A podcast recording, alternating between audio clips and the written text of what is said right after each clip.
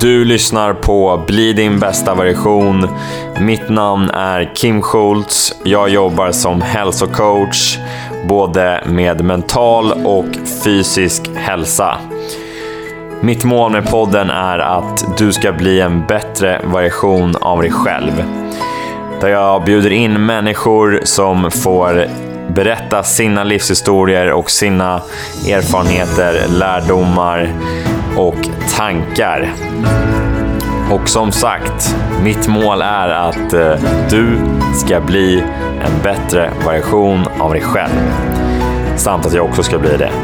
Ehm, nu kör vi igång!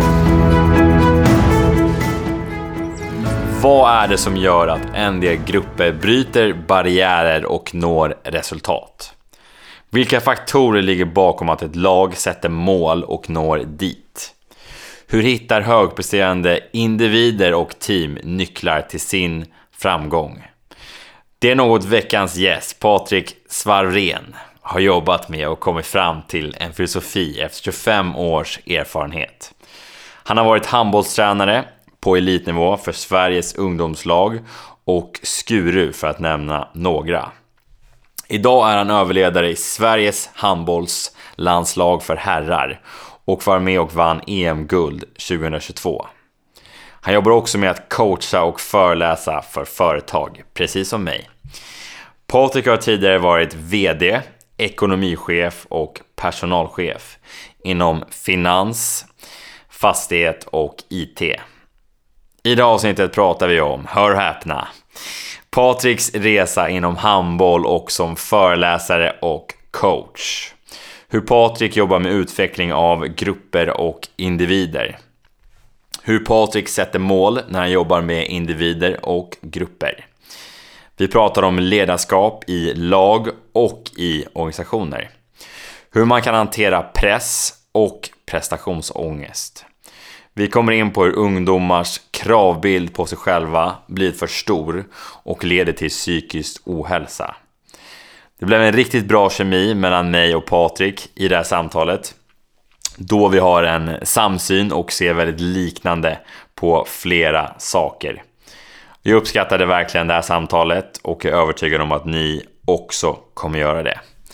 Utan vidare introduktion, här är Patrik. Patrik, Varmt välkommen till eh, podden Nu är vi live. Tackar, tackar. Hur eh, mår du just nu? Jag mår väldigt bra. Det är en eh, fin dag. Jag har haft en fin och hektisk morgon. Men nu har det lugnat ner sig lite. Och ja, jag mår väldigt bra. Mm. Brukar du ha några, ha några speciella strategier när du har en liksom, lite mer hektisk eller stressig period? Eller hur ser det ut? Eh, nej men jag försöker, eh, det kanske jag gör även om det inte är hektiskt, men jag försöker att gå upp eh, i tid på morgnarna och få en, eh, bra morgon, en bra start så att det inte blir en hektisk start. Mm. Jag vill gärna liksom ha en, en tid, eh, sen om det är en halvtimme eller en timme, men jag vill ha en lugn start. Och då behöver den vara mellan 5 och 6, då får den vara det. Mm. Och kan den vara mellan 7 och 8 så kan den vara det. Men det är min strategi. Att liksom, åtminstone ha en lugn start. Mm. Sen kan det brinna till och springa iväg. Mm. Men då jag, känner jag mig oftast förberedd. Just det. Vad, vad brukar du göra då under den här lugna stunden som du har på morgonen? Vad, vad inne eh, håller den? Framförallt kaffe. Ja, ja, känner igen mig där. Ja. Kaffe är viktigt för mig också på morgonen. Sen eh, har jag väl ändrat mig lite där och senaste tiden så försöker jag att eh, i, i, för, tidigare har jag alltid sett på radion eller TVn eller någonting men det har jag slutat med. Så nu försöker jag lyssna på lite lugn musik, dricka kaffe, kanske läsa någon snutt i någon bok eller en tidning. Eh, och sen så liksom eh, sträcka på mig liksom och komma igång i kroppen. Mm. Eh, så det är väl typ så min start ser ut. Mm. Vad känner du när, du när du gör det då? Vad händer med dig då? Eh, nej men jag, jag får en enorm harmoni i kroppen och, och, känner liksom att jag försöker under den stunden bara vara där. Och inte tänka på vad som ska hända sen så mycket. Utan nu ska jag bara vara här och sen Sen kommer dagen till mig. Mm. Jag behöver inte söka upp händelserna liksom från start utan jag förbereder mig så här och nu och sen så när klockan blir, när det är dags liksom då, då, då, då tar jag tag i allting då. Jag försöker inte eh, vakna och börja hitta massa lösningar direkt utan det får, det får komma sen. Just det. Inte direkt in i kortisol och stress och Nej. nu ska jag hitta på en massa lösningar direkt utan få en liten eh, lugnande stund Exakt. innan man biter tag i det som ska göras. Tänker ja. jag. Ja. Den stunden, och som jag sa, den kan vara olika lång. Den behöver inte, den behöver inte alltid vara en timme och är sällan kanske det också. Men kan jag få en halvtimme så, så är jag nöjd. Och mm. blir det 20 minuter eller 40 minuter så är jag nöjd med det också. Mm. Eh, men jag vill ha den stunden. Den, mm. För mig är den viktig. Mm. Då känner jag mig harmonisk. Mm. Ja, men jag håller med. Jag gillar också att ha en, en lugn stund på morgonen. Eh, blir sällan bra när jag ska bli hektiskt iväg och komma iväg på någonting och har för lite tid. Nej. Så jag gillar också bara den lugna stunden och ha lite kaffe, tid för reflektion, lite rörelse. Så jag håller definitivt eh, med dig i, i den aspekten. Jag tänkte vi snackade lite innan då. Eh, vi snackade om att både du och jag jobbar ju lite i samma, samma bransch då. Mm. Eller egentligen i samma bransch, mm. inte till och med Ja, i samma bransch med. Ja. Både inom coachning, föreläsning, jobbar med företag inom ja. och hjälper företag med ledarskap och kommunikation och eh, få bättre resultat. Ja.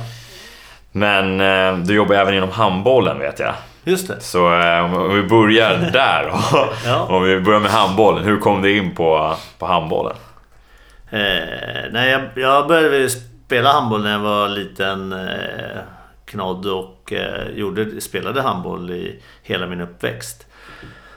Men redan någonstans när jag var eh, 12-13 år tror jag.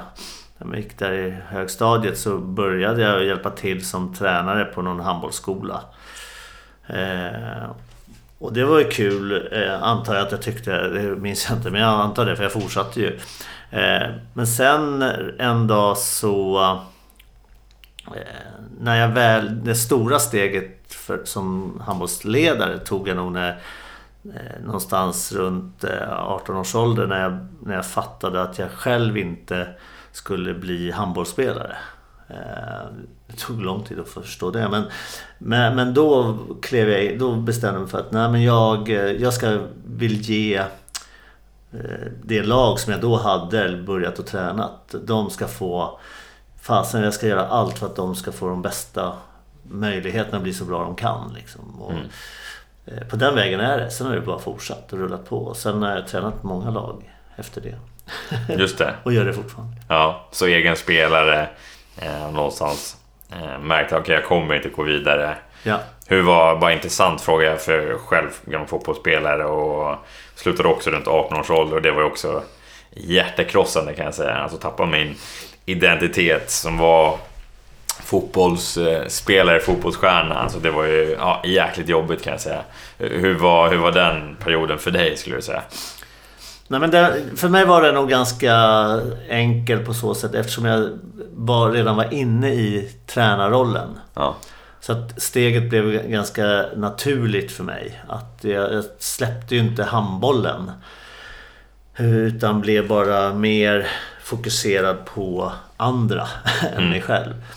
Eh, så att eh, för mig var, var, blev aldrig det steget speciellt stort. Jag fick aldrig den typen av som många ungdomar tror jag får idag, eller inte bara ungdomar, äldre också. När man slutar med sin idrott så, så kanske det dyker upp någon typ av identitetskris. Mm. Eh, eller kris och kris, men att man börjar fundera vem blir jag nu? Mm. Eh, och det kan ju skapa en oro eh, hos människor, tror jag. Mm. Väldigt ofta. Eh, och den oron eh, tror jag väl kommer från omgivningen på så sätt att om du är hockeyspelare eller fotbollsspelare eller handbollsspelare och så när du möter någon på stan så, så är det liksom Frågan är ofta kanske inte så här hur mår du som den är till, till dig och mig idag. Liksom. Mm. Utan då är frågan hur går det i hockeyn eller hur går det i handbollen? Eller hur mm. eh, och då är det klart att om, man, om människor runt mig har bara fokus på det min profession. Ja, då, då, då, kommer jag börja blir osäker på min identitet. Mm. Är jag bara hockeyspelare eller är jag bara handbollsspelare? Mm, just det. Folk bryr sig inte om någonting mm. annat. Liksom. Nej, det, det, är det man förknippar den människan med. Det, ja. det är ett så här, men du är en hockeyspelare, som du säger, en handbollsspelare. Och du, ja, men hur går det med handbollen? Hur går det med hockeyn? Att, så här, det blir, ja, det blir tufft att tänka. Ja. För då, då får man ju själv den externa bekräftelsen. Och då blir det som att säga, aha, det är ju det jag är. Eller det är det folk ser mig som eller uppfattar mig som. Exakt. Och det är så här, hur uppfattar jag mig själv någonstans också? Och den, och den var ju, tog ju tid för mig kan jag bara så här, ärligt säga. Alltså ja. bygga upp mig själv efter den. Ja. För att, eh, lite naivt får jag väl säga. Men alltså att så här, jag ska bli fotbollsspelare. Men det var, liksom, det var min dröm och min, min tanke. Men, eh, och så blev det inte. Nej. Men eh, det var nog mer att det inte skulle bli så nu, nu efterhand. Jag hamnade rätt ändå. Men, eh, och det kan väl bara vara, så tänker jag i alla fall, ett tips om någon yngre nu lyssnar. Så att ändå ha en annan tanke. Eller mm. så här, vem är jag bakom den här Exakt. rollen eller den här hockeyspelaren eller ja. handbollsspelaren eller vem man nu än är. Jag tror den är viktig att börja fundera på i alla fall. När man börjar bli, för man vet ju aldrig, det kan ju bli skadad och så ja, karriären ja. slut när man är 18-19 år. Men de, den, den delen kan ju faktiskt också ligga kvar längre. Det är som om jag ser till mig själv nu då. att Det är klart, skulle jag sluta helt med handboll. Mm. Eh, inget av mina barn spelar handboll och så. De håller på med annat. Och skulle, men då, så att det, det finns liksom ingen familjekoppling till handbollen för mig. Nej. Och skulle jag sluta helt nu. Då är det klart att då skulle det för mig också bli en viss så här, aha, okej. Okay. Det är ju det, många förknippar mig med det. Mm. Eh, inte alla såklart, men många gör det. Och då eh, tappar jag dem då? Eller vad händer med, vad händer med den eh, mm. relationen? Eller de relationerna? Mm. Det vet jag inte. Nej. Så, och det är klart att på något sätt så skulle jag bestämma mig här och nu för att sluta så skulle det finnas en viss oro för det. Mm. Eh, eller i alla fall en eh, eftertänksamhet. Mm. Jo men det förstår jag. Alltså med tanke på att det du är förknippad med det och gjort det så stor del av ditt liv. Så det blir ju verkligen så här kopplat till det. Mm. Eh, så det förstår jag. Och det vet man ju inte heller förrän, som du säger, förrän man faktiskt tar det beslutet. Hur kommer det, hur kommer det ta? Det enda man kan ja, man kan försöka rannsaka sig själv. Hur kommer jag eh, ta det? Hur kommer jag försöka förbereda mig? Och sen går det nog inte 100% förberedelse heller, tror jag nog inte om jag ska vara, vara ärlig. Men eh, i alla fall en bit tänker jag att man kan komma Exakt. före Ja men så tror jag också. Att man kanske bara... Eh, det som är viktigt som jag försöker liksom att man, man fick, försöker förknippa sig med flera saker. Och sen om det är med sin familj, min familj eller med eh, mitt jobb eller med mina vänner eller vad, vad det än må vara så, så tror jag att det är viktigt att hitta flera flera eh, roller som man förknippa sig själv med. Mm. Som man känner sig trygg i. Mm. Framförallt. Mm. Så att man inte tappar, har allting på ett ställe liksom. Nej men exakt, att lägga alla ägg i en korg så att säga. Mm. Att jag är bara den här personen. Nej. Och när det försvinner så har jag ingenting annat. Och sen då är jag inte människan Nej, exakt. Kim eller Patrik. Så att man tappar den. Så det tror jag är jätteviktigt. Om vi ska gå in lite mer på, på just ledarskap tänker jag. Mm. Och eh, din, ja, dina erfarenheter från att varit ledare många, många år. Specifikt inom, inom handbollen, eh, såklart inom, eh, alltså jobba med företagare också och ledare. Men om vi ska börja med handbollen, vad har du dragit för, för lärdomar från, från de erfarenheterna från, från att vara ledare? Eh, nej, det är otroligt många delar. Eh, men eh, någonting som jag tror att jag har väldigt mycket nytta av i, i livet som jag har fått just från handbollen det är det här att, att jag lär, ganska tidigt lärt mig att eh, se möjligheter hos, hos andra människor. Eh, försök i alla fall se det. Mm. Eh, och, och eh, tro, visa att jag tror på andra människor. Eh, det, har nog, det är nog en av de starkare delarna av det. Och självklart tro på mig själv. Och, alltså, att, och göra det jag själv tror på. Ehm, inom handbollen så finns det så här en miljon eh, små experter och både små och stora för den delen. Men som har massa åsikter om och, och, och kanske tycker att man ska göra på ett sätt och sådär. Men att försöka hålla sig till det jag tror på. Eh, ska det gå åt helsike så ska det gå åt helsike på mitt sätt. Mm. Eh, För annars så skulle jag må väldigt dåligt. Om jag gjorde som någon annan sa. Mm. Som jag inte själv riktigt tror på. Och så förlorar vi eller så går det inte som jag tänkt. Mm. Då skulle jag bli oerhört besviken på mig själv. Mm. Och det det, där, vill jag, där vill jag inte hamna. Nej. Så det har jag nog lärt mig mycket av. För det är jobb, även när jag är ute och, på företag och både jobbar med företag och eller om jag coachar och föreläser så, så försöker jag hela tiden att jag, jag ska göra på, jag ska utgå ifrån det jag tror på. Mm. Ingenting annat. Utan, och sen så kan ju mottagaren välja och tycka det är bra eller ta till sig av det, mina tankar och idéer och mitt ledarskap. Mm. Eh, Jag säger inte att det är rätt, för det finns många olika sätt att vara ledare på. Mm. Men eh, jag känner mig ganska trygg i, mitt sätt att vara. Mm.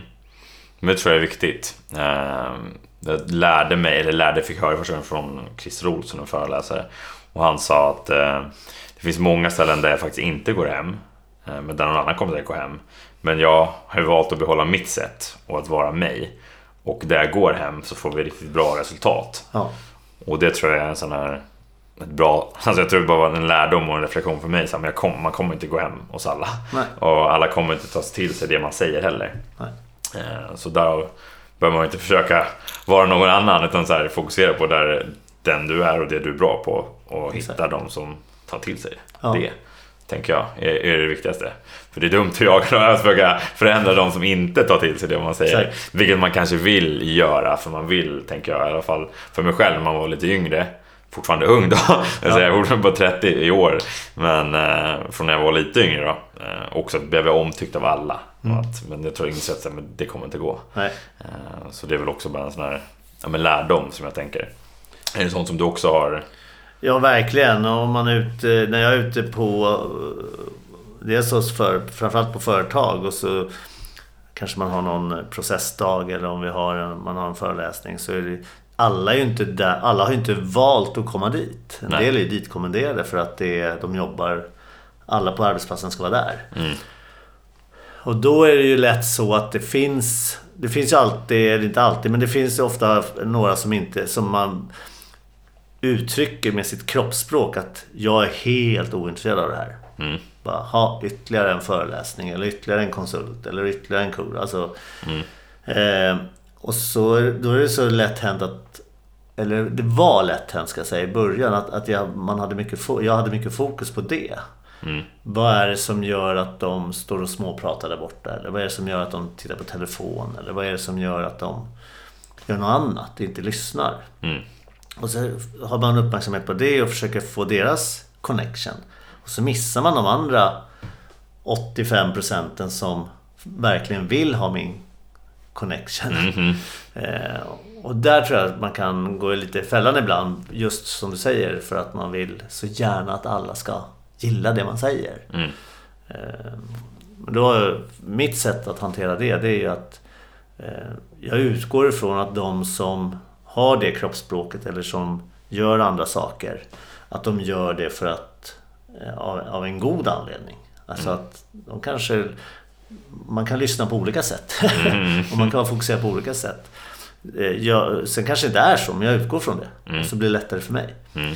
Eh, och, så, och så försöker jag ha uppmärksamhet på de som, som är i rummet. Alltså de som vill, som visar. Mm. Så möter jag dem. Just det. Så Det, det är min strategi och rätt eller fel vet jag inte. Men jag trivs med den. ja, men jag tänker att det är bra för en själv i alla fall. Att man väljer den tanken. Att så här, ja, men det är nog snarare att de gör det på grund av att de behöver göra någonting. Att det finns något Ja. viktigt mer. Och så där, ja, att man landar i den. Alltså väljer den tanken istället för att säga, men vad fan, men varför är de inte här? Alltså, då, då tappar man ju fokus från, från helheten tänker jag. Ja. Så eh, nej, men det tycker jag är en, eh, en smart strategi. Att, eh, att använda sig av, att Mm. välja tankar. Ja. Om vi skulle gå tillbaka med till, till ledarskapet då Mm. och jobba Du får i och för sig tänka i, i hur du jobbar med, med ledare eller företag också men vad tror du behövs för att om man tittar på, på team då framgångsmässigt, ett lag eller ett team hur, hur tänker du där för att nå fram med ja, med ditt ledarskap för att man ska nå fram till människorna i teamet? För att nå fram, så först och främst så tror jag att eh, man måste liksom i, i ett team eller ett lag att, att man har gemensamma intentioner med det man gör. Alltså man vill samma sak. Alltså, eh, speciellt om man tränar ungdomar så, eh, så, så, tror jag att det är viktigt att man liksom hittar någonting. Var, varför är vi egentligen här? Eh, tränar man ett lag och så är det så här med, så att man har 20 stycken spelare. Och så är det 10 som är där för att de vill bli landslagsspelare. Och, oavsett ålder, man kan ha den drömmen. Mm. Och så gör de vad som helst för att nå dit. Sen kanske du har fem stycken som, som är där för att ja, men det är skönt att få... Det är en bra träningsform. Mm. Men då kanske man inte är beredd att göra det här yttersta egentligen. Och sen kanske du har fem stycken som är där för att kompisen är där eller för att det är socialt trevligt eller mm. Ja, jag kanske ska hålla på att lägga ner handbollen men jag vill hålla mig kvar liksom. Och, mm. och, och så, bara för att det är trevligt eller mm. roligt eller socialt. Då tror jag man får problem därför att då har man olika intentioner. Och eh, Då behöver man nog finna vissa spelregler eller vissa saker som, som, som för en samman så att man drivs mot samma sak. Mm. Ehm, för att annars blir det lätt så, tror jag, att det blir schismer. Man, någon tar i för hårt och, och någon tar i för lite. Liksom. Och så blir det man så här, men vad fasen ta i då när vi kör? Mm. Eller varför måste du smälla på så hårt? Mm. Säger nästa liksom. Och så då blir det så här knasigt. Mm. Så det tror jag är en viktig del. Men i själva ledarskapet, så, så att i själva ledarskapet så tror jag att att finna, försöka finna den typen av värderingar som är gemensamma. Det mm. tror jag är oerhört viktigt. Eh, så att man drivs åt samma håll. Liksom. Mm. Att man har samma driv. Mm. Att man vill samma sak. Mm. Eh, och då handlar det inte bara om att vinna matchen, för det vill ju alla göra. Liksom. Mm. Man, spelar inte, man idrottar inte för att förlora. Utan man vill ju vinna, men mm. på vilket sätt? Hur mycket är jag beredd att offra för att göra det här? Eh, det tror jag, där tror jag man behöver hitta en hyfsat gemensam nivå mm. på det. Hur tror du man eh, hittar den nivån? Eller hur hittar man den?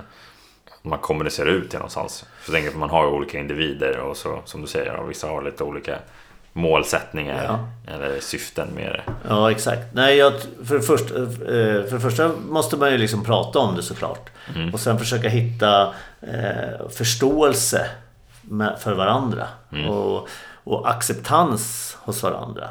För att om jag vet om en sak så kan det vara lättare att hantera det. Mm.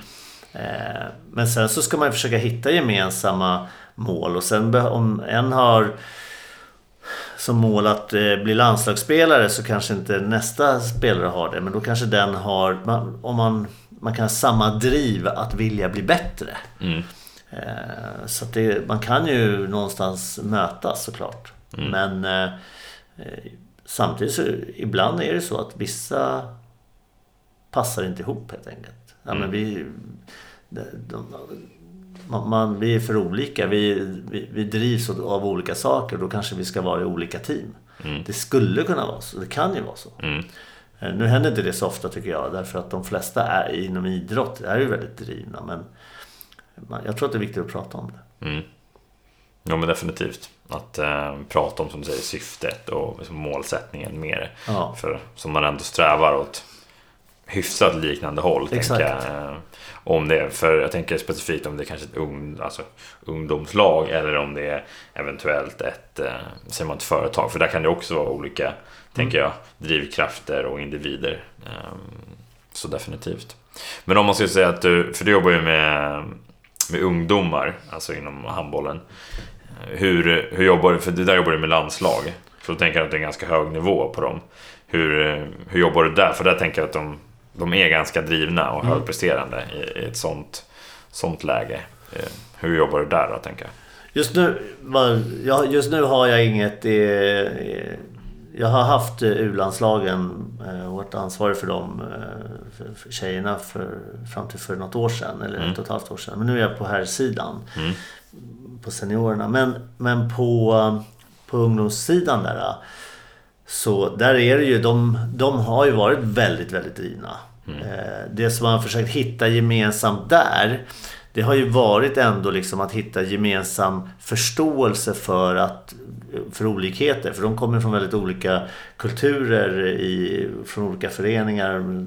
Tränar på olika sätt och har haft olika typer av ledare och har olika typer av eh, roller. Mm. Eh, och när de, när de då har kommit till eh, landslag så, att, så är det ju ändå så att i sina klubblag så har ju i stort sett alla varit stjärnor på ett eller annat sätt. Mm.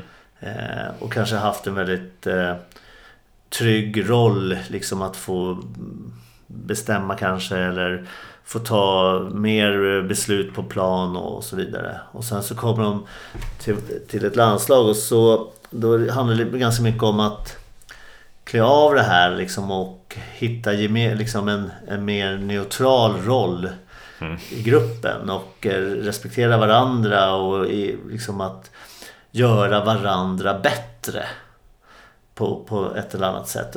Utanför plan eller på plan. För de är mm. också mm. oerhörda konkurrenter. Mm. Eh, och ofta de som är mest konkurrenter de står ju bredvid varandra hela tiden. Mm.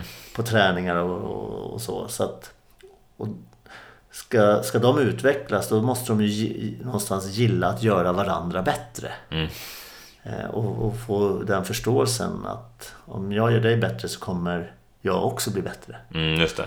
Ehm, så det, det kan ju vara en liten utmaning. Jag tror i alla fall att den är viktig att jobba med. Mm.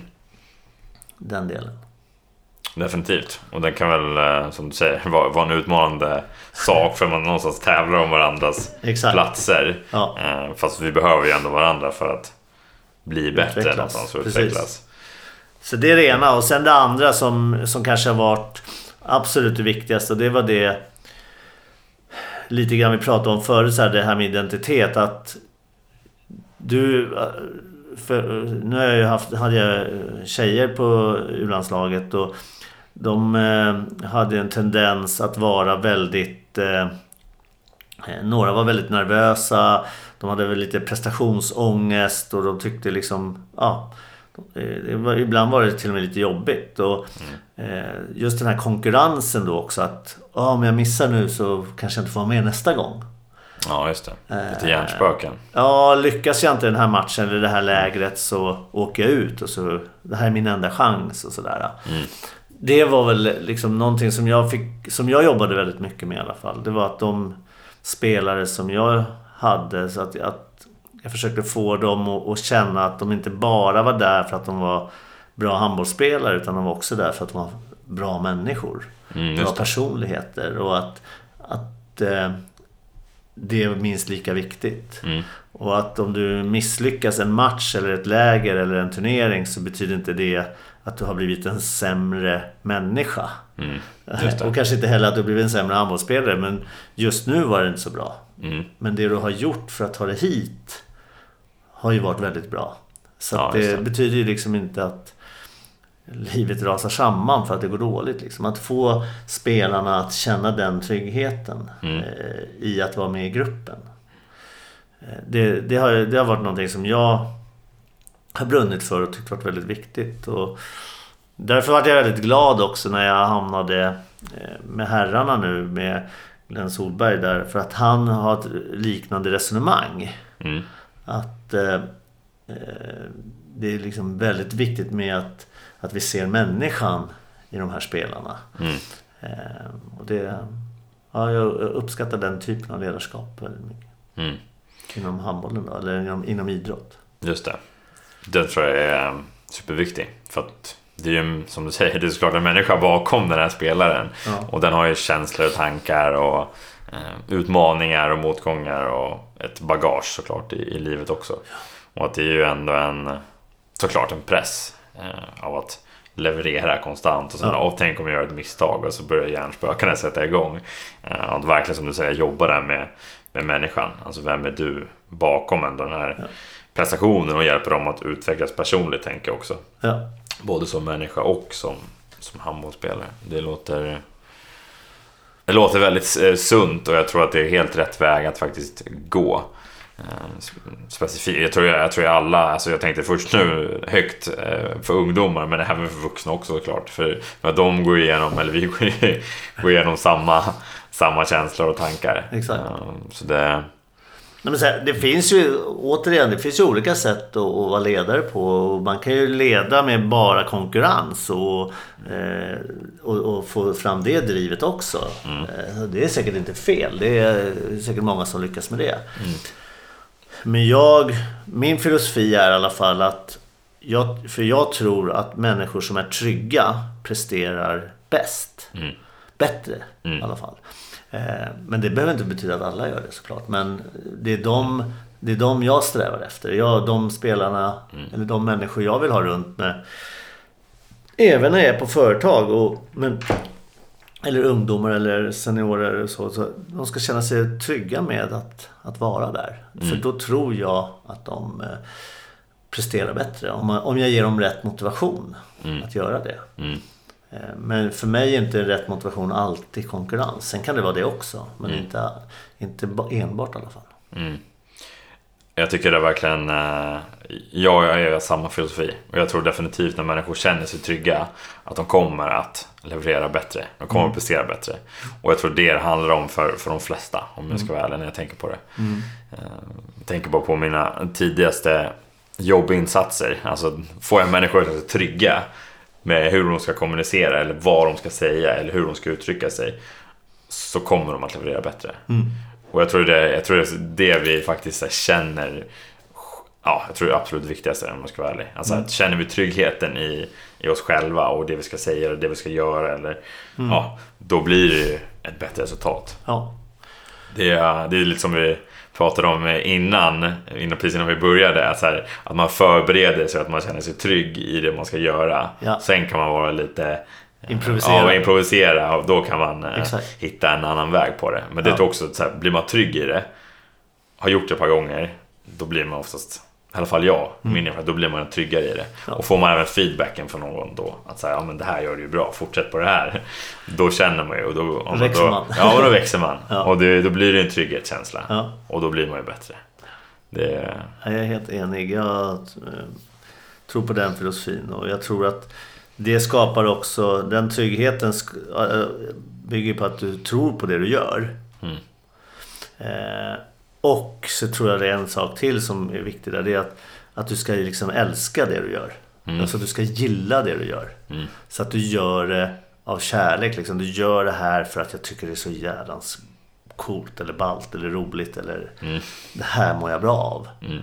Eh, det är också en viktig del i det. Eh, nu tänker jag i och för sig, nu tror jag att inom idrotten så är det kanske ofta så. Men ibland kan det också vara av rädsla. Att du du presterar för att du är rädd att misslyckas. Eller du presterar för att du, eller du kämpar för att, eh, för att inte misslyckas. Eller du kämpar för att inte åka ut. Eller du, du kämpar för att någon annan har sagt det. Mm. Mamma och pappa vill att jag ska satsa på det här. Eller ja, vad det nu är. Mm. Kanske mer i skola och sånt. Att föräldrar sätter barnen i... Driver barnen att göra vissa saker som... Så att det blir liksom inte av kärlek riktigt. Mm. Man utför saker av andra, andra orsaker. Och det, tror jag också är en otroligt viktig faktor. Mm. Jo, man måste hitta sitt eget driv där tänker jag. Mm. Och så här, det känner jag i alla fall personligen. Så här, men jag känner att när jag hittade mitt, så här, att jobba med människor, jobba med utveckling, jobba med coachning. Det är, liksom, det är ju det jag brinner för. Och jag känner mig så jäkla mycket motiverad när jag får jobba med det. Ja. Sen ska jag säga, alla dagar är inte lika motiverande, absolut. Men det är ändå, det finns ändå en känsla att det här är ju det jag Fan vad kul det ja. Jag älskar det. Alltså, det tror jag är... Jag tror det är nyckeln för att bli bra på mm. någonting också. För om du inte har det riktiga intresset eller passionen, då tror jag det är svårt att bli riktigt, riktigt bra på det. Ja, det tror jag också. För man måste ju samtidigt vara nyfiken att bli bättre. Ja. Eh, och den nyfikenheten tror jag ofta skapas av, att man, av det man gillar. Ja, ja, ja exakt. och är jag nyfiken och blir bättre oavsett om jag vill bli bättre som ledare eller coach eller handbollsspelare eller vad det än må vara så, så nyfikenheten att testa och se vad, vad går gränsen eller vad är nästa steg, vad är nästa, mot, vad är nästa eh, utmaning. Mm. Eh, har man det drivet och söker det eller är nyfiken på det åtminstone. Mm. Så tror jag att eh, man oftast liksom når någon typ av framgång i, i sig själv. Mm. Ja men absolut. Jag är helt enig till det. Om vi skulle jag tänker ledarskap, eh, återigen såklart. Men eh, om vi skulle gå in eh, lite mer på hur du jobbar med företag. Är det, har du ett annorlunda filosofi när du jobbar med företag jämfört med ett handbolls, handbollslag? Nej, inte direkt. Eh, jag tror att det är samma eh, typ av eh, nycklar eller faktorer som gör att eh, människor eh, blir drivna eller utmanade att göra bra saker. Eh, sen är det klart att är du på ett företag så, så blir det inte... Det kanske inte är samma driv av att alltid att träna och bli bättre. Men du kan åtminstone att, att ha triv, ett driv av att vilja göra ett bra jobb. Mm. Eh, eller att eh, vilja vara på ett trevligt ställe. Eller vilja göra, jag vill, liksom, få nöjda kunder eller vad det än är. Så, så tror jag att det, någonstans är det ungefär samma saker som, som vi människor i grupp, i teamet behöver tänka på eh, jargongen i gruppen och hur vi är mot varandra. Att vi har, och samma sak där, att vi har ungefär samma intentioner eller värderingar i vad är det vi, eh, vad är det vi står för och vad är det vi tror på. Eh, hur vill vi vara mot varandra och vad, vad tycker vi är rätt liksom. Mm. Och framförallt kanske vad, vad tycker vi är, in, är, fel. Ja just det, hur vi inte har det. Ja, eh, och att man eh, någonstans försöka hitta vissa gemensamma faktorer och försöka hitta en jargong och en vänlighet mellan varandra och även på företag att försöka göra varandra bättre. Försöka... Sen ska vi inte, man behöver inte alltid hjälpa varandra. Det kanske inte är rätt melodi, men man kan stötta varandra. Mm. Ehm, man ska inte springa runt och göra andras jobb, det är inte det jag menar. Men stötta varandra och ge varandra liksom en, eh, en bra dag. Mm, mm. På något sätt. Jo men det är klart. Vi, vi jobbar ju oftast ändå med, på något vänster jobbar vi med varandra, alltså på ett bolag. Hur en vidarevänder så är vi människorna som ändå gör en del av jobbet, ja. även om det börjar komma in AI-grejer och så, men det är ändå ja. någon typ av mänsklig kommunikation är i, i bolag. Vi har ju olika avdelningar och de ska ju någonstans samverka inom avdelningen sen ja, med varandra kanske också mellan avdelningarna. Så att man kan man stötta och hjälpa varandra att bli bättre eller att lära sig ännu mer eller att bli mer effektivare så, så tänker jag att det är en, en stor vinning för, för bolaget. Och förstå varandra och, och den förståelsen, förstå uh, olika avdelningar eller uh, ha liksom alla, åtminstone en respekt för varandra. Men jag helst också förstå vad, vad, vad beror det på att eh, den andra avdelningen gör på det här sättet? Är det för att de vill vara taskiga mot våran avdelning? Eller är det för att de behöver göra på det sättet? Eller är det för att de inte vet hur de ska göra? Eller vad är det för någonting? Eller är det vi som har missat någonting mm. på våran avdelning? Som mm. gör att vi inte fattar varför de gör på det där sättet. Som, så att det blir liksom schismer mellan avdelningarna exempelvis. Mm. Ehm, så att eh, jag tror att eh, den typen utav jobba med den typen av kommunikation eller jobba med den typen av eh, information mellan och först försöka förstå varandra. Vilja förstå varandra. Mm. Det, det tror jag är en lika stor faktor där som det är inom idrotten. Men i idrotten så kanske man det är mer självklart att man, man förklarar för alla vet vad de andra ska göra. Mm. Mycket tydligare kanske inom idrotten. Jag, är inte säker på det. Men jag skulle gissa att det är... Inom idrotten så har man väldigt stor vetskap om vad alla gör. Just det. Eh, eller ska göra. Mm. Förväntas göra. Mm. Rollerna är väldigt tydliga. Mm. Tycker jag i alla fall. Mm. Eh, och där kanske man eh, även i näringslivet behöver liksom eh, vara väldigt tydlig med. Mm. Just det. Vi diskuterade lite innan här om att ge information eller att ge feedback. Att, Ja. eh, om att vi båda som mottagare har ett ansvar och att som avsändare också ett ansvar. Så vi kontrollerar att mottagaren har förstått. Och Ja. att mottagaren också eh, ja, behöver ju fråga. att Den har också ett ansvar. Om Exakt. den inte har förstått eller om den inte vet vad den ska göra. Och där finns det ju, vi, ja, vi diskuterade att det var ganska... Det finns ju förbättringsområden där, eh, kan ju både du och jag. Verkligen. Verkligen. Och det, det finns det ju inom idrotten också. Vi, Mm. vi sitter ju och har... Man förbereder träningar och man förbereder matcher och så har man matchgenomgång och träningsgenomgångar och, och sådär. Sen hur mycket kollar vi... Hur mycket kontrollerar vi att, att mottagaren har förstått eh, på det sättet som vi önskar? Mm. Eh, och det är exakt det inom företagen också. Liksom att vi har informationsmöten kanske eller jag ger feedback till dig eller eh, ja, vad det nu än är för någonting. Så har, har du tagit emot det? Mm. Och vad tog du emot av det jag sa? Mm. Eh, liksom, allting kan ju tolkas på olika sätt. Och på något sätt hitta verktyg eller hitta, eh, hitta tillvägagångssätt. Hur, hur kontrollerar vi det? Hur kontrollerar jag att mottagaren har, har eh, förstått det på det sätt som jag önskade för, förmedla? Mm. Jo men exakt. Det är ju det att eh, man kan ha ett önskemål. Men sen behöver det ju, så precis som du säger, att det kan ju tolkas på ett annorlunda, Ja. på ett annorlunda sätt. Eh, Så därav viktigt att så här, ja, kontrollera det. Ja, Och, och sen också viktigt som vi, ja, men samma med mottagaren också. Så här, om, om inte den har förstått vad den behöver göra Nej. för att lösa eventuella uppgifter. Att den också någonstans säger, okej men jag behöver kanske mer kunskap eller jag behöver prata med chef eller annan kollega för att ta reda på vad jag ska göra. Mm. Så det är betydligt. Så där är också, tänker jag, ett stort, stort ansvarsområde för den också. Ehm, för mottagaren ja. Ja, absolut. Verkligen. Ja. Eh, Det är inte bara det är inte bara eh, ledaren som har ansvar utan verkligen mottagarna Mm. också. Nej men verkligen. Båda delar. Ja.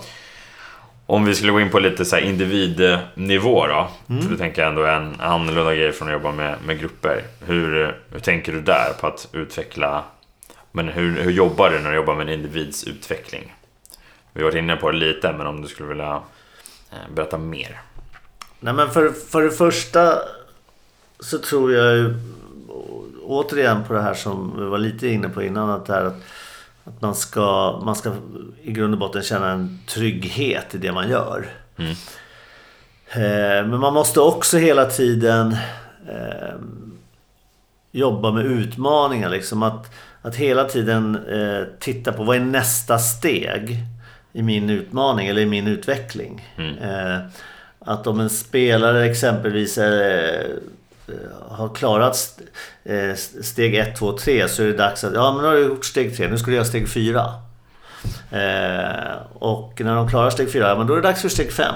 Mm. Och sen håller man på så. Och, och sen är det så att får man vara lite vaksam också därför att eh, steg, om du gör, jobbar på ett visst sätt i, i cirkel, cirkel kallar jag det då, men i steg 5 säger vi då för att eh, hålla den tydligheten. Men om, jag, om du gjo- gjort en sak, sak som du klarar av i steg 5 och sen helt plötsligt så är du på en match och så klarar du inte av det. Just det. Eh, då tror inte jag att det är läge att gå vidare till steg 6 just då. Nej. Utan då kanske, nej men då får du backa. Mm. Skapa, du får gå tillbaks till steg 4 och jobba där. Just det. Eller, nej, det funkar inte heller för motståndarna är på det sättet. Eller min dag är, jag har en dålig dag Mm. kanske helt enkelt. Ja, då får du gå ner ytterligare till steg 3. Alltså, finn din trygghet. Mm. Och när du, när du hittar den cirkeln eller den, det steget eh, där, eh, där du har tryggheten. Då kan du ta steget ut igen och Mm. utmanas. Just det. Eh, Men för annars så tror jag att det blir att om man, ut, om man inte har, har den tryggheten så går man vidare i alla fall. Mm. Eh, Att man gör övningen, man fortsätter övningen fast det är några som inte har förstått eller inte som, som inte klarar den. Mm. Då, eh, då hamnar man liksom i någon typ av eh, prestationsångest. Mm. Och då halkar man ner ännu djupare. Ja, Alltså då det. går du ner ännu flera steg. Mm. Och kanske till och med blir sämre. Mm. Därför du tappar självförtroende, du tappar motivation och du tappar så många delar. Mm. Eh, Så det är viktigt när, när man jobbar med individer att ha de här utmaningarna. Men vara vaken för att inte ta, eh, ta steget så att det blir en... Eh, eh, För stort kliv. ja, ett, ett för stort kliv så att det blir prestationsångest. Mm. Just det. Eh, för så fort du hamnar där, då, då går det fort... Då, då, då, går det så, då landar du så djupt. Mm, just det. Självförtroendet sviktar, kanske självkänslan också. Mm. Och där, den tar längre tid att ta sig ur. Och den tar längre tid att jobba med. Eh, på, eh, liksom att komma bara upp till de här trygga stegen till och med. Mm. Eh, så där, där tror jag, på det sättet försöker jag jobba i alla fall. Att hela tiden hitta utmaningar. Mm. Men vara hela tiden också redo på att backa. Ja, just det. Eh, Det är ju som om man går på gymmet. Så här, och ena dagen så kör man på en vikt och så nästa dag så, eller några dagar senare så, så har man inte den känslan att köra på den vikten. Men då, det kan ju vara många saker det beror på. Det kan ju hur jag har sovit eller hur jag ätit eller hur jag tränade igår eller vad som helst. Ja, Då kanske jag får gå ner lite i vikt Mm. och jobba där. Mm. Istället för bara ösa på så eh, blir jag helt knäckt för att det inte går. Liksom. Mm. Eh, och det ger inte heller en bättre utveckling att hålla på om jag inte klarar det. Om jag är på, jobbar med för tunga vikter. Mm. Det blir bara knas. Då kanske jag lyfter fel istället. Så gör jag illa mig så blir jag skadad och så kan jag inte träna alls. Mm. Så det kanske var en knas jämförelse. Men jag, det, jag tycker det är ungefär samma sak. att eh, När du passerar en viss gräns, var beredd att backa. Mm. Men sen snabbt tillbaka och hitta rätt utmaning. Nej, Jag tycker det var en eh, ja, bra liknelse. Jag tycker Det var ganska, det är ganska tydligt. Alltså, att det, eh, ja, det, är precis, det blev tydligt tycker jag när du sa gymscenariot. Men och då tänker jag lite om eh, det du pratar om egentligen tänker jag är målsättning. Ganska, eller det var så jag tolkar det i alla Ja. fall. Alltså det blir hur, egentligen, hur sätter du mål och det där blir ett slags delmål någonstans. Kanske till ett högre mål. Så att delmålen är de här stegen. Ja, Och sen att våga också, som du säger, gå tillbaka om man känner okej men nu har jag inte nått till det här steget. Då är det lika bra kanske gå tillbaka till Ja. mer grund. Hålla det enkelt och inte göra någonting Exakt. över, överdrivet svårt som man kanske vill göra men man kanske inte har självförtroende till att göra det. Exempelvis. Nej, men om jag- du skulle gå in på mål då? Alltså Ja. nu, om du skulle utveckla det. Hur Mm. tänker du där kring, kring målsättning? Nej men det är väl... på- de individuella målsättningarna så blir det ju viktigt, samma sak där, att man, alla kan ha olika individuella målsättningar i eh, ett lag eller en grupp. Men det, det blir ju otroligt viktigt att de någonstans strävar åt det gemensamma. Mm. Att, och att alla vet det gemensamma, eller det stora målet. Eller om vi kallar det intention, alltså vad, vad är det vi vill komma någonstans? Vad vill vi uppnå med allting? Varför håller vi på med det här? Eh, det är nummer ett, för att annars kan det ju bli så att man eh, om man är handbollsspelare så tränar man på att bli jävligt bra, lä- springa jäkligt, eh, ha bra kondition. Ja, fast det är inte för att ha bra kondition bara, utan vi vill ha bra kondition av en anledning. Och vad är den anledningen? Så får man liksom, så att alla har den förståelsen. Ja, just det. Eh, men jag tror att det är eh, väldigt, väldigt viktigt med målsättningar på individnivå. Eh, och sen så ska de målen helst vara eh, någonting som individen verkligen helst bygger upp, sätter själv, bygger upp själv. Men sen är det klart att de, många behöver ju stöd av en tränare eller en coach eller en ledare på företaget. Eh, men att man hittar sina egna utmaningar. Och att man lär sig att jobba med det. Mm. Så att man eh, inte bara kör en massa trygghetsmål liksom för att ja men fasen var bra då, då klarade jag det så mår jag bra av det. Ja, fast det är alltid, man ska också utmanas Mm. eh, på något sätt. För det tror jag är eh, det är det som gör att människor blir bättre. Mm. Eh, oavsett om det är på arbetsplatsen eller på någon föreningsliv eller om det är inom idrott. Så, eller vad du än gör liksom, Mm. så vill du testa nästa, nästa grej. Mm. Eh, och därför så blir det viktigt att ha mål som är utmanande. Och att man, man, man lär sig och vågar, känner sig trygg i att, testa, att sätta utmanande mål. Mm. Eh, Men då måste man återigen vara trygg. Och så måste man tro på att man ska klara det. Mm. Mm. Alltså det är någonstans... mm, Som coach eller som ledare så är det min roll att, att liksom hjälpa dig att få ett självförtroende. Hjälpa dig att tro på dig själv. Mm. Eh, och när du gör det så kanske du kan sätta de här utmanande målen själv. Och det tror jag är, är... Jag tror att det är en framgångsfaktor. Mm. Ja men definitivt. Som du säger att så här, utmaningar behövs ju för annars kommer vi inte växa, annars Nej. kommer vi inte bli bättre. Eh, Så det är ju ja, men en viktig aspekt för, alltså för individer att bli faktiskt bättre tänker jag. Ehm, Och sen tänker jag också det du säger att eh, att man ändå hittar en, ja, men så kanske ett större mål, men att man har delmål på, på vägen. Som, ja men bra, nu har jag, nu har jag gjort det. Nu har jag, nu har jag klarat Cooper-testet, boom. Nu, Ja. nu, nu är jag avklarad för det. Men så har jag klarat styrketestet, boom. Då, då har jag gått vidare där också. Så det är en, en grej för att, så här, för att nå det här SM-guldet. Ja. Eller för att uppnå de här pengarna eller vad det nu än handlar om. Eh, Så att, eh, ja, tänker jag tydliga delmål på, på vägen där också. Tills man når till ett större mål. Ja. Men där tror jag också när man pratar om individer och framförallt ungdomar skulle jag vilja säga. Och jag har jobbat mycket med yngre ungdoms, ungdomar, tjejer då. Men jag har ju även eh, döttrar själv. Men då tror jag så här att eh, både killar och tjejer att de, de skapar massa mål utifrån vad andra förväntar sig.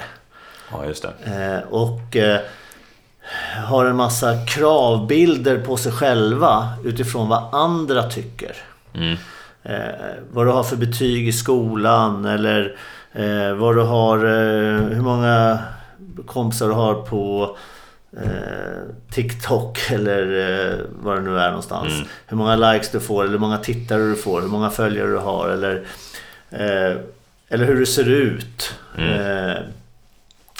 Eller vad kompisar tycker och tänker och så vidare. Eh, Den pressen tror jag liksom är... Där sätter många ungdomar upp, sen om vi ska kalla det mål, men de ställer upp en kravbild på sig själva. Mm. Eh, som är... Eh, som inte kommer från dem själva. Som kommer från yttre omständigheter. Som Just kommer det. från andra.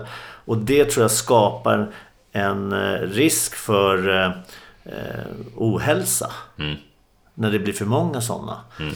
Eh, se på våra ungdomar, så, ja, de ska klara, vara duktiga i handboll och de ska klara testerna, både fystesterna och handbollstesterna och allting. Och sen ska de komma in, vara duktiga i skolan och sen ska de komma in på handbollsprofil eller handbollsgymnasium och sådana saker. Sen ska de komma med i, de här stadslag eller i landslag och i olika, på olika läger och så vidare. Det är hela tiden, de lever i en ständig press som kommer utifrån på många sätt. Därför att andra tycker att det är viktigt. Eller andra låtsas tycka att det är viktigt kanske.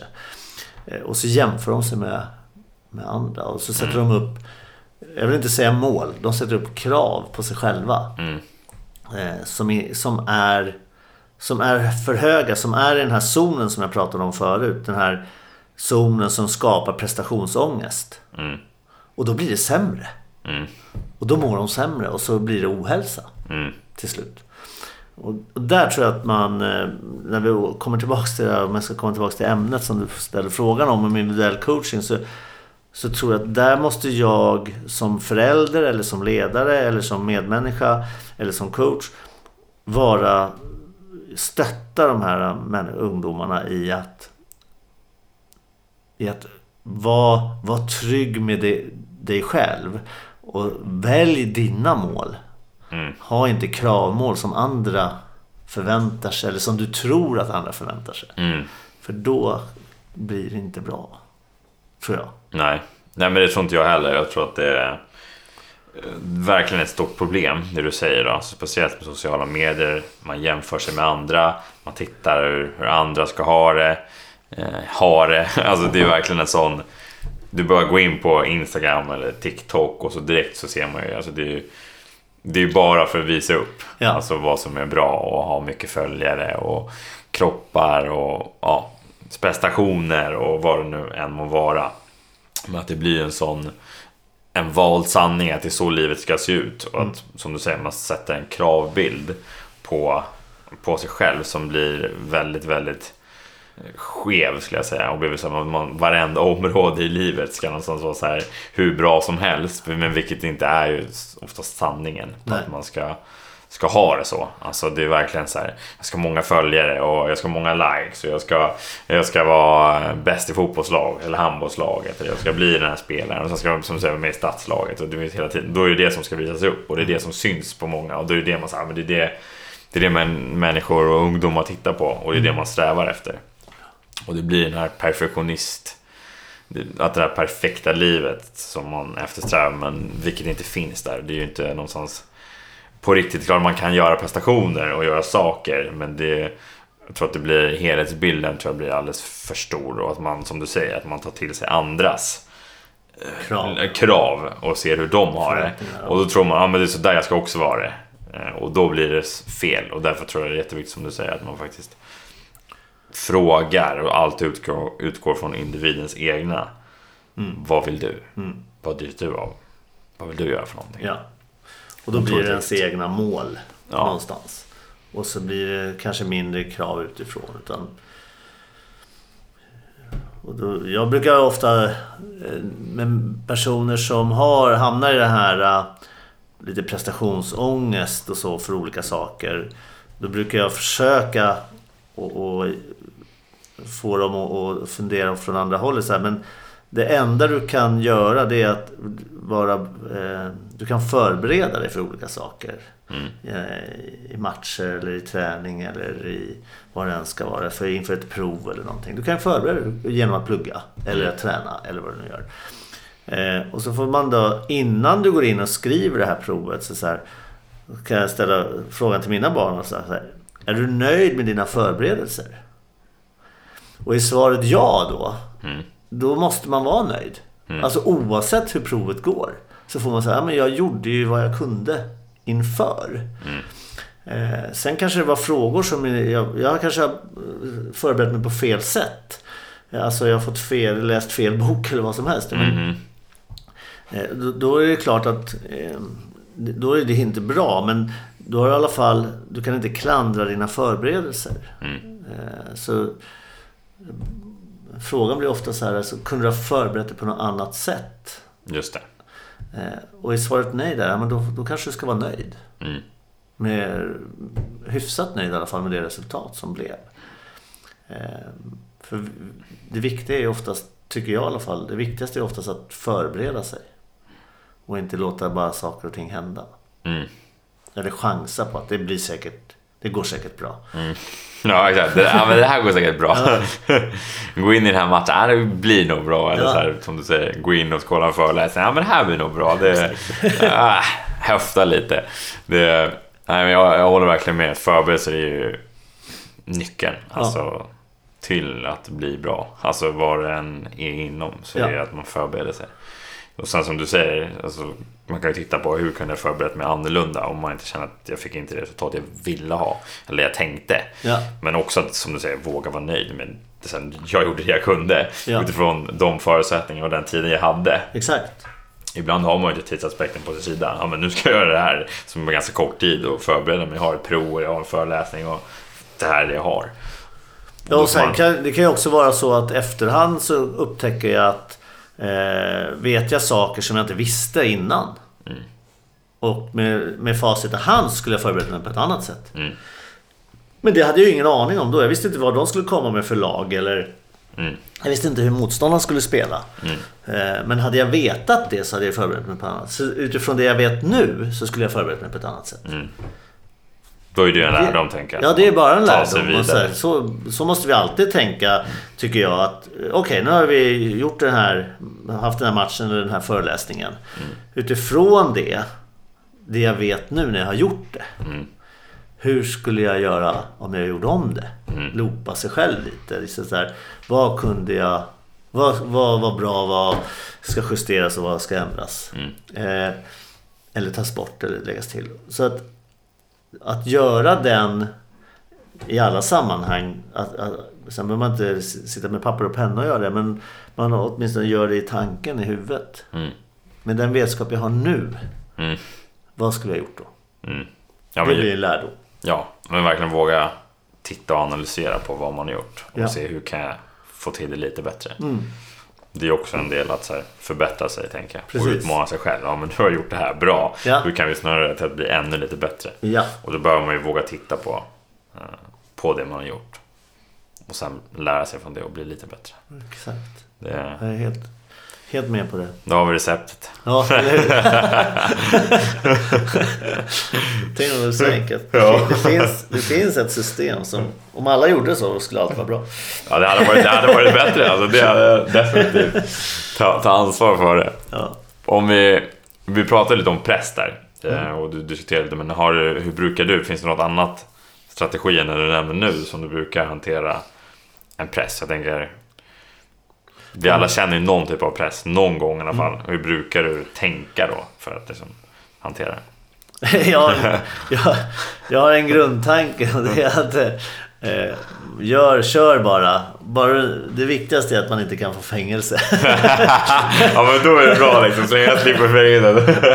För det måste vara det värsta som kan hända, Ja. tänker jag. Eh, då är det bara att köra på. ja.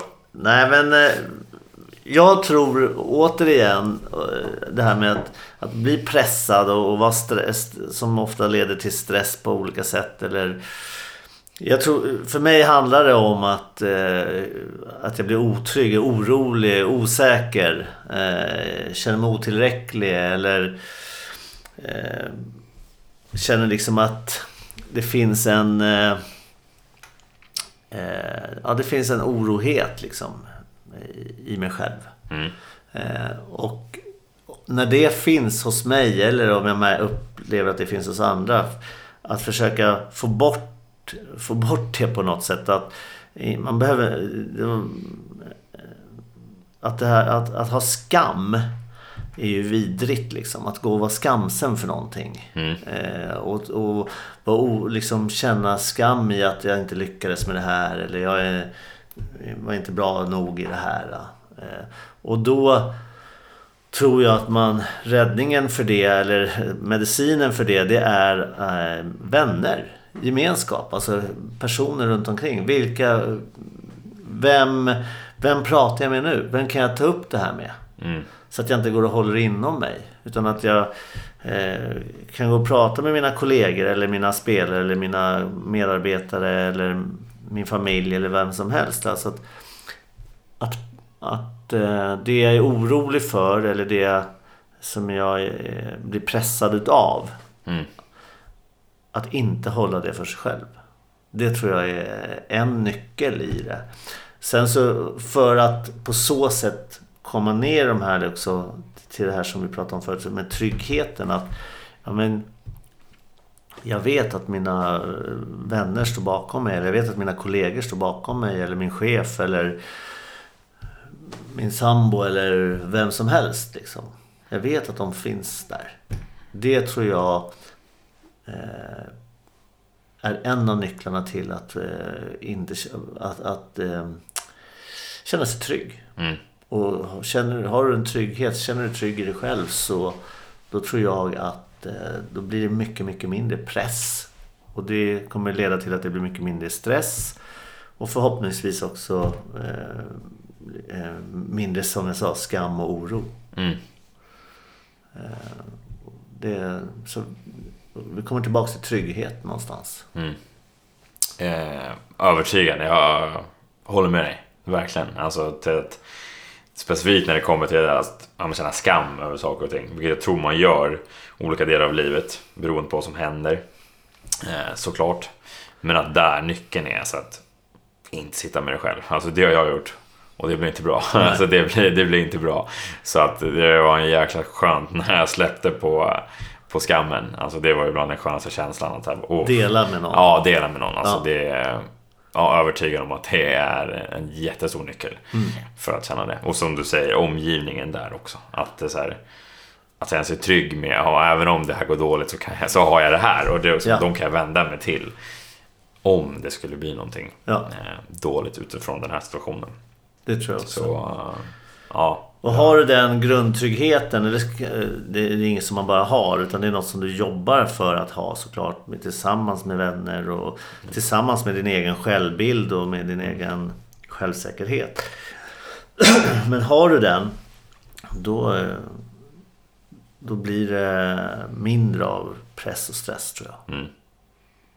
jag upplever det. Men Alltså jag, från, från mig själv, det är klart jag upplever en viss press. Men eh, jag tror att när man landar i, som du säger, så trygg i sig själv. Trygg med sin egen självbild och så här, man är trygg med min omgivning. Och att jag kan berätta om någonting går Ja, det går åt helvete. Eller så här, det blev inte som jag hade tänkt mig. Det blev inte alls som jag hade tänkt mig. Att så här, det, då landar man i att man är ganska så här. Ja, men det, det blir en lärdom. Det kommer, det kommer fixa sig. Det, det kommer inte att gå under. Även om jag kanske känner en, en press inför det. Fortfarande- För det kan jag fortfarande få såklart. Att jag känner en press för det. Men det är inte, det är inte på lika stort sätt. Som det var tidigare. Vi kommer, liksom, jag kommer tillbaka till samma sak hela tiden känner jag. Men jag, det, det, för det handlar samma sak. Jag tror att det är bra med press. Ja. Och jag tror att det är bra med stress ibland. Ja, Alltså bara inte håller över, över liksom, men lite att jag är stressad inför en match eller pressad i en match eller någonting. Det tror jag bara är liksom på något sätt nyttigt. ja. Eh, För, för mig i alla fall. Och eh, det som, det som inte får hända det är att det går ut i de här som jag kallar det då. Den här yttre cirkeln där, där det blir en prestationsångest. För det är när du kommer dit, då faller det väldigt snabbt långt ner. Men att ha pressen och, och lite stressad, eh, eller lite, det kan vara mer eller mindre, men det tror inte jag är något fel i. Utan, och och det, det kanske man liksom till och med blir bättre utav. I vissa fall. Eh, kanske inte alla, men jag, jag blir i alla fall lite bättre av det. Jag mår nästan lite bra av det. Eh, men det ligger ju inte i flera dagar och det ligger inte i flera timmar heller. Det är inför en match kanske eller inför en föreläsning att jag blir lite stressad. Eller ska träffa en ny kund så kanske man blir lite så stressad av att hoppas jag är rätt förberedd. Det är väl bara en, Jag tror det bara är bra. Ja men det tror jag med. Man blir bara fokuserad. Ja men jag håller med. Jag är precis samma där. Också så här, känner igen det. Alltså, Ja. det. Det blir någonstans, jag tror att det är bra. Att jag känner mig lite mer fokus. Nu jag lite mer på. Lite mer, oh, Mm. Ja. nu kör vi. Ja, Så det, ja, men definitivt. Det, det, vill också på, det håller jag med om. Jag vill poängtera också. Ja. Det, det är just att det inte ska gå över Ja. till nästa steg. För det blir inte bra alls. Nej, nej exakt. Då, nej, men då blir det ju inte bra när man bara känner den prestationsångesten som du känner. Bara, det här är bara åh, jobbigt. Då blir det då blir det åt andra hållet. Ja. Som sagt. Om man ska prata lite mer om personlig utveckling. Eh, finns det någon sak som du så men, som har varit riktigt tufft i ditt liv som, som har gjort dig starkare? Som du tänker på? Eh, ja, man har sprungit på många så här, svårigheter eller jobbiga situationer och sådär. Men det som, det som jag tror har gjort mig mest... Det som jag tror har förändrat mig mest som människa. Det är nog att jag har kommit till insikt med att inte så här springa och leta efter nästa händelse. Alltså att eh, vad händer nu då? Vad ska jag göra nu? Och så har jag haft massa liksom, jag vill göra nästa sak hela tiden. Eh, och att istället liksom stanna upp och eh, ja, men nu är jag här och nu gör jag på det här sättet och, och sen så dyker det, det, dyker sig, det kommer dyka upp en affär eller det kommer dyka upp en möjlighet eller det kommer dyka upp nästa händelse. Den kommer till mig. Eh, jag måste inte, ibland kan man ju söka efter den bara så också men inte hela tiden. Eh, och det det lärde jag mig. Eh, det fick jag hjälp av en, eh, en coach som eh, beskrev det för mig. Att, för jag mådde väldigt dåligt under en tid där jag jobbade oerhört mycket. Med olika företag och hade lite, ja, lite för mycket helt enkelt. Och så, så valde jag då att minska allting, minska mitt engagemang ganska kraftfullt inom, inom de här företagen. Och gjorde det. Och sen så hade jag liksom inte mer än att, att göra det så började jag liksom så här klättra lite på väggarna och säga vad fasen ska hända nu då? Mm. Nu, måste jag, nu måste det hända någonting. Eh, och då fick jag det, det till mig att nu är det, där, nu är det, liksom, det är inte läge att leta efter nästa händelse. Utan var här nu liksom och så kommer den till dig. Mm. Ehm, jag vet inte om det har varit en, det var så jättetufft som eh, människa så egentligen men jag, jag mådde egentligen, jo, jag, jag mådde inte bra av att jag jobbade alldeles för mycket. Mm. Eh, under en, en, period. Så det, där, det var en stor lärdom för mig i alla fall. Mm. Att eh, förstå det att man behöver inte springa efter nästa händelse. Just det. Hur har, hur har du idag då? Fråga. Alltså att, har du hittat den, vad säger man, den fina balansen om man säger ja. så. Men att det kanske inte är lika, kanske var lite mer här och nu tolkar jag som. Och ja. inte var hela tiden framåt. Vad kommer hända sen? Vad kommer hända sen? Precis. Jag tror att jag, jag försöker att eh, jobba utifrån att vara ganska innerlig i, i mig själv. Liksom att, att så, i så lång, i så stor mått det går att göra saker som jag väljer att göra. Mm.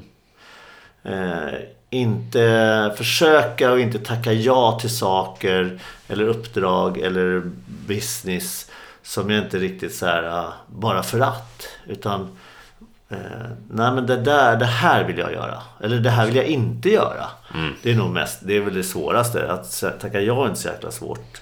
Det svåra är ju att tacka nej tycker jag. Mm. Eh, och då blir det så här att vara inlig i det att vill jag verkligen göra det här? Varför gör jag det här? Varför ska jag säga ja till det här? Nej, det, vet, ja, men det är för att vara snäll eller det är för att vara schysst eller det är för att ja, men de förväntar sig det. Nej, men säg nej då. Mm. Eh, sen menar inte jag på att jag är världsmästare på det. Det är absolut inte. Jag ångrar mig ofta ändå. Men jag försöker tänka på det. Mm.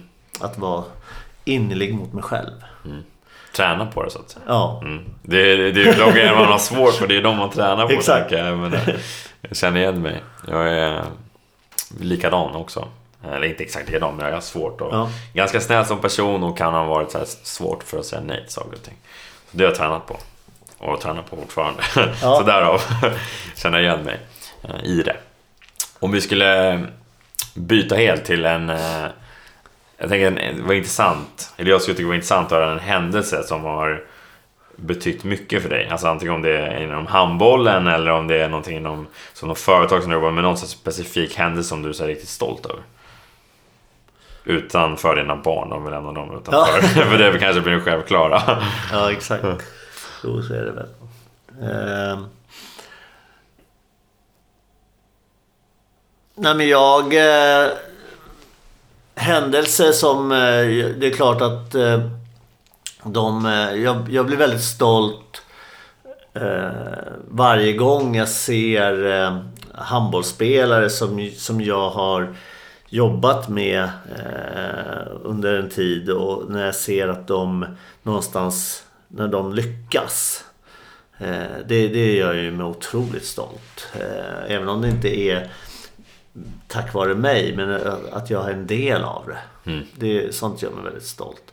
Eh, jag, jag var väldigt stolt när jag liksom lyckas om man är ett handbollsteam eller eh, tränarteam eller så att, att man får teamet att känna sig liksom i harmoni, att teamet eh, trivs tillsammans. Eh, sådana saker gör mig väldigt, väldigt stolt. Eh, affärsmässigt så eh, så var jag nog väldigt stolt tidigare i livet när jag gjorde olika karriärsteg. Eh, och speciellt när jag gick in i lite olika bolag och eh, inom fastighetsbranschen och var väldigt stolt över att, att det blev stort eller stort för mig då. Och sådana saker. Men det har jag ju förstått så här i efterhand att det skälpte mig nästan många mm. av de grejerna. Liksom, att det, det, var det jag menade om när jag jobbar väldigt mycket. Liksom, att det tog nästan, det tog nästan det tog inte livet av mig men det tog liksom lusten och glädjen försvann. på grund av det. det. Men just då var jag oerhört stolt över det. Mm. Just vid de tillfällena. Eh, Men idag är jag nog mer stolt över liksom just det här att, Eh, att få vara en del av eh, olika, i olika sammanhang. Eh, jag, att jag får vara en del av landslaget och jobba med dem och att jag får vara en del utav handbollsklubben i Huddinge och få jobba med dem och finna framgång där. Eller att jag är en del av olika företag som jag jobbar med och så når de sina mål. Det, det gör mig väldigt stolt. Men det är liksom inga specifika situationer så ofta utan det är mer situationen i sig, liksom helheten Mm. eh, som gör mig stolt. Eh, jag, jag tycker det är otroligt eh, när man håller föreläsningar eller eh, om man håller en utbildning eller när jag håller en utbildning eller om jag håller en process för något företag och, och, så åker jag därifrån och så känner jag att, att jag har nått fram. Mm. Och min känsla är det, då känner jag mig otroligt, då sitter jag ofta i bilen och bara känner mig så här. Fan, skönt. Det där, det där gick bra. Ja. Då känner jag mig stolt som attan. Verkligen. Mm. Det gör jag. Sen blir man ju också så här alltid att få uppmärksamhet eller att få bekräftelse. Det gör mig också såklart glad och, och stolt. Eh, om andra människor säger att det där gjorde du bra och att, eh, att man får eh, respons på att, ja, att man har att jag har hjälpt någon med någonting eller stöttat någon på ett bra, väldigt bra sätt och sådär. Då blev jag väldigt glad. Jag blev otroligt stolt. Jag var häromveckan var och coachade en kille eh, som jag coachat eh, under en, eh, en tid. Och när jag kom dit så, bara, så kom han fram och så bara "Nej, Jag måste ge dig en jättekram. Fasen! Liksom så här. Och då, då blir jag så här lycklig och stolt över att eh, för vad han har gått igenom. Mm. Så att, ja. Det, är många saker jag blir stolt över. Härligt. Ja, men härligt. Jag såg hur, hur, hur, vad som hände med Du tänkte till och det kom flera, flera saker. Ja. Ehm, Det är ju härligt att Ja. så här, tänka på det och så bara, just det. Ja. Det finns ju, det finns ju massor med grejer. Som Ja. är, ja, kul att höra. Jag, jag kommer ihåg när vi pratade i telefon för några veckor sedan. Så eh, diskuterade vi kring eh, ja, men lite vad vi skulle snacka om och så. Och jag blev väldigt intresserad av ett uh, grej som vi diskuterade, som vi inte har diskuterat ännu. Men som diskuterade just världsklass, sa du. Hur kan varje person hitta sin världsklass? Kan du inte berätta vad du berättade för mig då och hur du tänker kring det? När du jobbar med olika alltså, ja, organisationer kan man säga. Ja, ja, men vi, vi pratade lite om eh, landslaget då. Och, eh, eh, och just det här med att eh, försöka göra saker. Eh, om man ska hitta mål och, och sådana saker i, i gruppen. Och det är klart att om man åker iväg och spelar Eh, ett mästerskap så det, det är ju ingen som åker dit och inte vill vinna. Så är det ju. Eh, alla, man vill ju vinna alla matcher liksom. Eh, men vi kan ju liksom inte rå, för, rå på hur motståndarna är. Exakt. Vi kan förbereda oss på olika sätt. Och det, det som vi pratade om då det, och som jag gillar väldigt mycket det är att vi försöker att man försöker göra saker i världsklass. Att vi gör det utifrån det bästa vi kan. Och sen om det räcker fram eller inte. Det blir återigen, det är det här med förberedelser. Det är så här, men har vi förberett oss för, gör vi, om, oavsett om det handlar om att eh, eh, se till att vi har bästa materialet eh, eller ett material i världsklass eller om vi har träningar i världsklass eller om vi har eh, de bästa eh, analyserna i världsklass eller om vi har den bästa maten eller vad det än är så, så är det ändå så här att om man lyckas med det så om man känner att man har, har nått det, att jag har gjort det yttersta för, för att den här gruppen ska eller för att mitt team ska få de bästa förberedelserna. Mm. Eh, då, då blir det mitt mål lite grann. Det blir min, mitt driv. Hur kan jag göra så att det här blir så hjärnans bra som möjligt? Utifrån mina förutsättningar Mm. som finns och de resurser jag har. För det finns ju begränsade resurser, det finns begränsat med tid, det finns begränsat med material, det finns massor med begränsningar. Mm. Men om jag, plockar, om jag bortser från vad alla andra har. Mm. Ja, men de har mycket mer pengar, eller de har mycket mer tid, eller de har mycket mer spelare, eller de har mycket mer anställda. Eller vad det är. Så här, om jag bortser från det så här, men jag måste utgå från det jag har. Mm. Och det jag har kan jag göra, med det kan jag göra det världsklass. Mm. Eh, och det tycker jag att eh, är, för mig är det ett driv. Eh, jag, jag, kanske inte blir, gör det lika bra som alla andra för de har andra förutsättningar. Mm. Men jag kan göra det så absolut bästa utifrån mina förutsättningar. Mm. Eh, och det tycker jag är... Jag gillar den... Det, den eh, ha, ha den motivationspunkten. Att det ska vara så. Det... Ja, jag, jag tycker om det. Mm. Jag med, det var därför jag ville, ville, ville ta upp den. Ja. Och just strävan efter det tycker jag är så bra säga. Strävan efter världsklass. Och för en själv, alltså mm. för den individen som jobbar ja. med sin grej. Alltså sträva efter det. Och utifrån den, mina resurser. Ja, exakt. Och förutsättningar. Ja, mm. det, för den är viktig att ha med. Mm. För annars jämför jag mig med saker som är, blir, då blir det bara knas. Mm. Eh, och så det, är, det är alla andra så väldigt bra på att jämföra mm. med andra. Ja, det, det, får alla, det får man göra absolut. Men jag kan bara jämföra med de resurser och de förutsättningar jag har. Mm. Och så försöker jag vara oerhört eh, noga med att, det ska, de ska, att jag ska göra det så bra som möjligt. Mm. Ja, men jättebra. Några sista frågor innan vi ska avsluta. Eh, två frågor då, närmare bestämt. Och eh, den här är, vad vill du lämna efter dig? Glädje framförallt eh, är någonting som jag tycker är, är viktigt. Eh, men jag vill också lämna efter mig någonstans eh, skapa eh, framförallt kanske för, för jag tänkte säga mina barn men också för de runt omkring mig att, att jag vill lämna efter mig trygghet. Att det eh, inte så att jag ska ordna trygghet åt andra. Men att jag vill lämna efter mig liksom att det, att det finns en trygghet i Moder Jord någonstans. Liksom, mm. Att vara trygg i den. Mm. Eh, så att glädje och trygghet eh, på ett eller annat sätt. Mm.